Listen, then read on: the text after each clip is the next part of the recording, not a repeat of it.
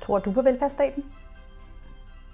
Den danske velfærdsstat har opnået en næsten mytologisk karakter.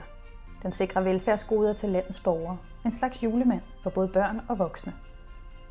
I denne podcast julekalender vil vi forsøge at identificere den danske velfærdsstat. Findes den? Og i så fald, hvordan ser den ud? Og hvem har fortjent dens gode gaver?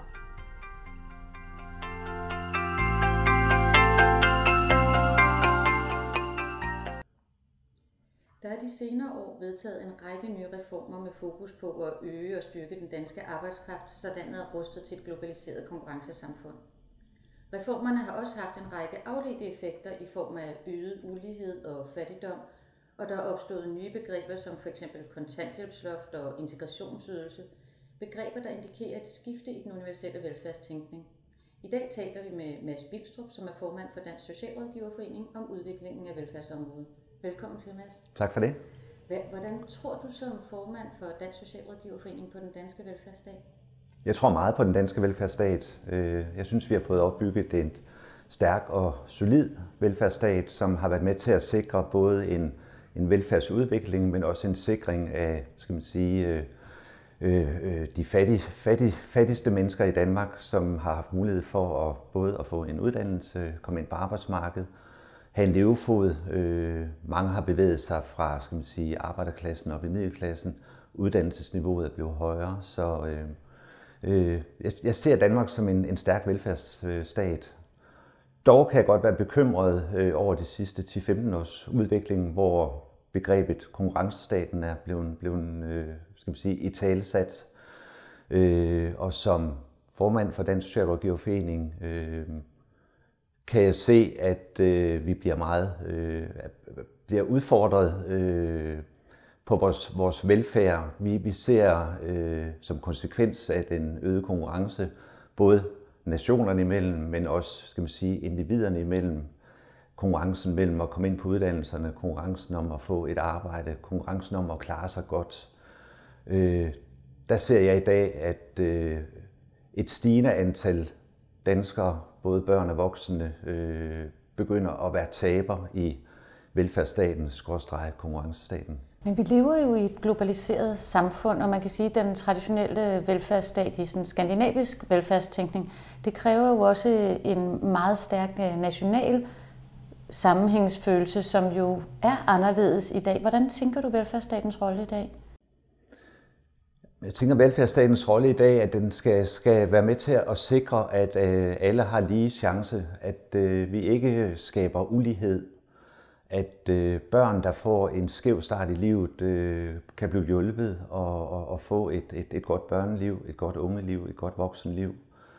Øh, folk, der bliver øh, sygemeldt fra arbejde eller får en arbejdsskade, bliver hjulpet tilbage på arbejdsmarkedet. Og hvis de ikke kan komme tilbage på arbejdsmarkedet, så får sikret en, et, et forsørgelsesgrundlag, der gør, at øh, man kan leve et, et, et godt og sundt liv i, i harmoni med sig selv. Og hvad udfordrer det? Hvad er der for nogle udfordringer i forhold til at nå den fælles velfærd, eller sikre, at alle bliver del af den fælles velfærd? Jamen, der har jo været en sparedagsorden igennem de sidste 10-15 år, hvor man har sparet konsekvent på velfærdsydelserne. Øh, her er også øh, derfor vi kan se øh, en, en stigende ulighed.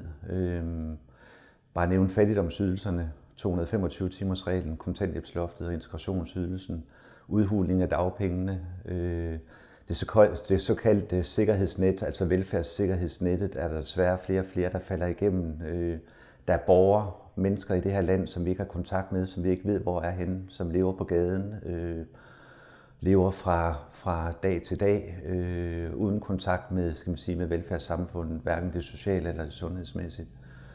Øh, så jeg ser øh, udfordringer, øh, som vi bliver nødt til at gøre noget ved, fordi jeg kan have en bekymring for, om, om vi er på vej hen til et, en velfærdsstat, hvor vi begynder at tage vare på os selv, forstået på den måde, at øh, og det kan vi jo allerede se i dag, at de, altså den, den velhavende del af, af den danske befolkning begynder at lave private forsikringsordninger i forhold til lønsikring, sundhedsforsikringer og lignende. Ikke? Men hvis vi ikke får ændret kursen ret hurtigt, så er jeg også øh, sikker på, at middelklassen begynder at, at skal man sige, vælge de samme løsninger, altså privatiseringsløsningen. Og så, øh, så bliver skal man sige, øh, grundlaget for velfærdsstaten øh, i den grad udfordret. Og hvad ser du nogle potentialer i den danske velfærdsstat? Altså det lyder sådan lidt som et, næsten et skræmmebillede af, at vi er på vej den forkerte retning. Men er der også nogle potentialer i forhold til, at det kan blive et stærkt velfærdssamfund? Jamen altså, øh, det vi kan se, øh, det er, at hvis man vælger at lave investeringer i det enkelte menneske, altså hvis, hvis man vælger at sige, vi vil gerne bruge øh, meget tid, mange ressourcer på dig, fordi du nu står på kanten af arbejdsmarkedet, eller er blevet skubbet ud over øh, kanten. Vi vil gerne have dig tilbage i fællesskabet, vi vil gerne have dig ind på arbejdsmarkedet igen, vi vil godt have, at du bliver en del af, af, af velfærdsstaten Danmark. Så kræver det en investering. Øh, det er der nogle kommuner og, øh, og nogle projekter, der har, har kastet sig ud med rigtig gode resultater. Og jeg kan høre, at den politiske trend, også med den nye regering, er, at øh, det at investere i det enkelte menneske øh, måske bliver fremtiden. Jeg har i hvert fald hørt både beskæftigelse og socialministeren sige det, øh, og jeg kan kun bakke op om det. Øh, det at investere i mennesket og, og lade det lad sige, være en, en dyr udgift til en start, der ved vi af erfaring, at de penge er tjent hjem efter en årrække, fordi man bliver integreret på arbejdsmarkedet, fordi man bliver skattebetalende borger fordi man går mindre til læge, har mindre kontakt med psykiatrien osv. osv. Så, så hele investeringstankegangen øh, er nok fremtiden for, for vel, øh, velfærdsstaten, som jeg ser det. Tusind tak, fordi du kom og delte dine tanker med os. Det var så lidt. Og rigtig glædelig velfærd. Tak, rigtig måde. Tak.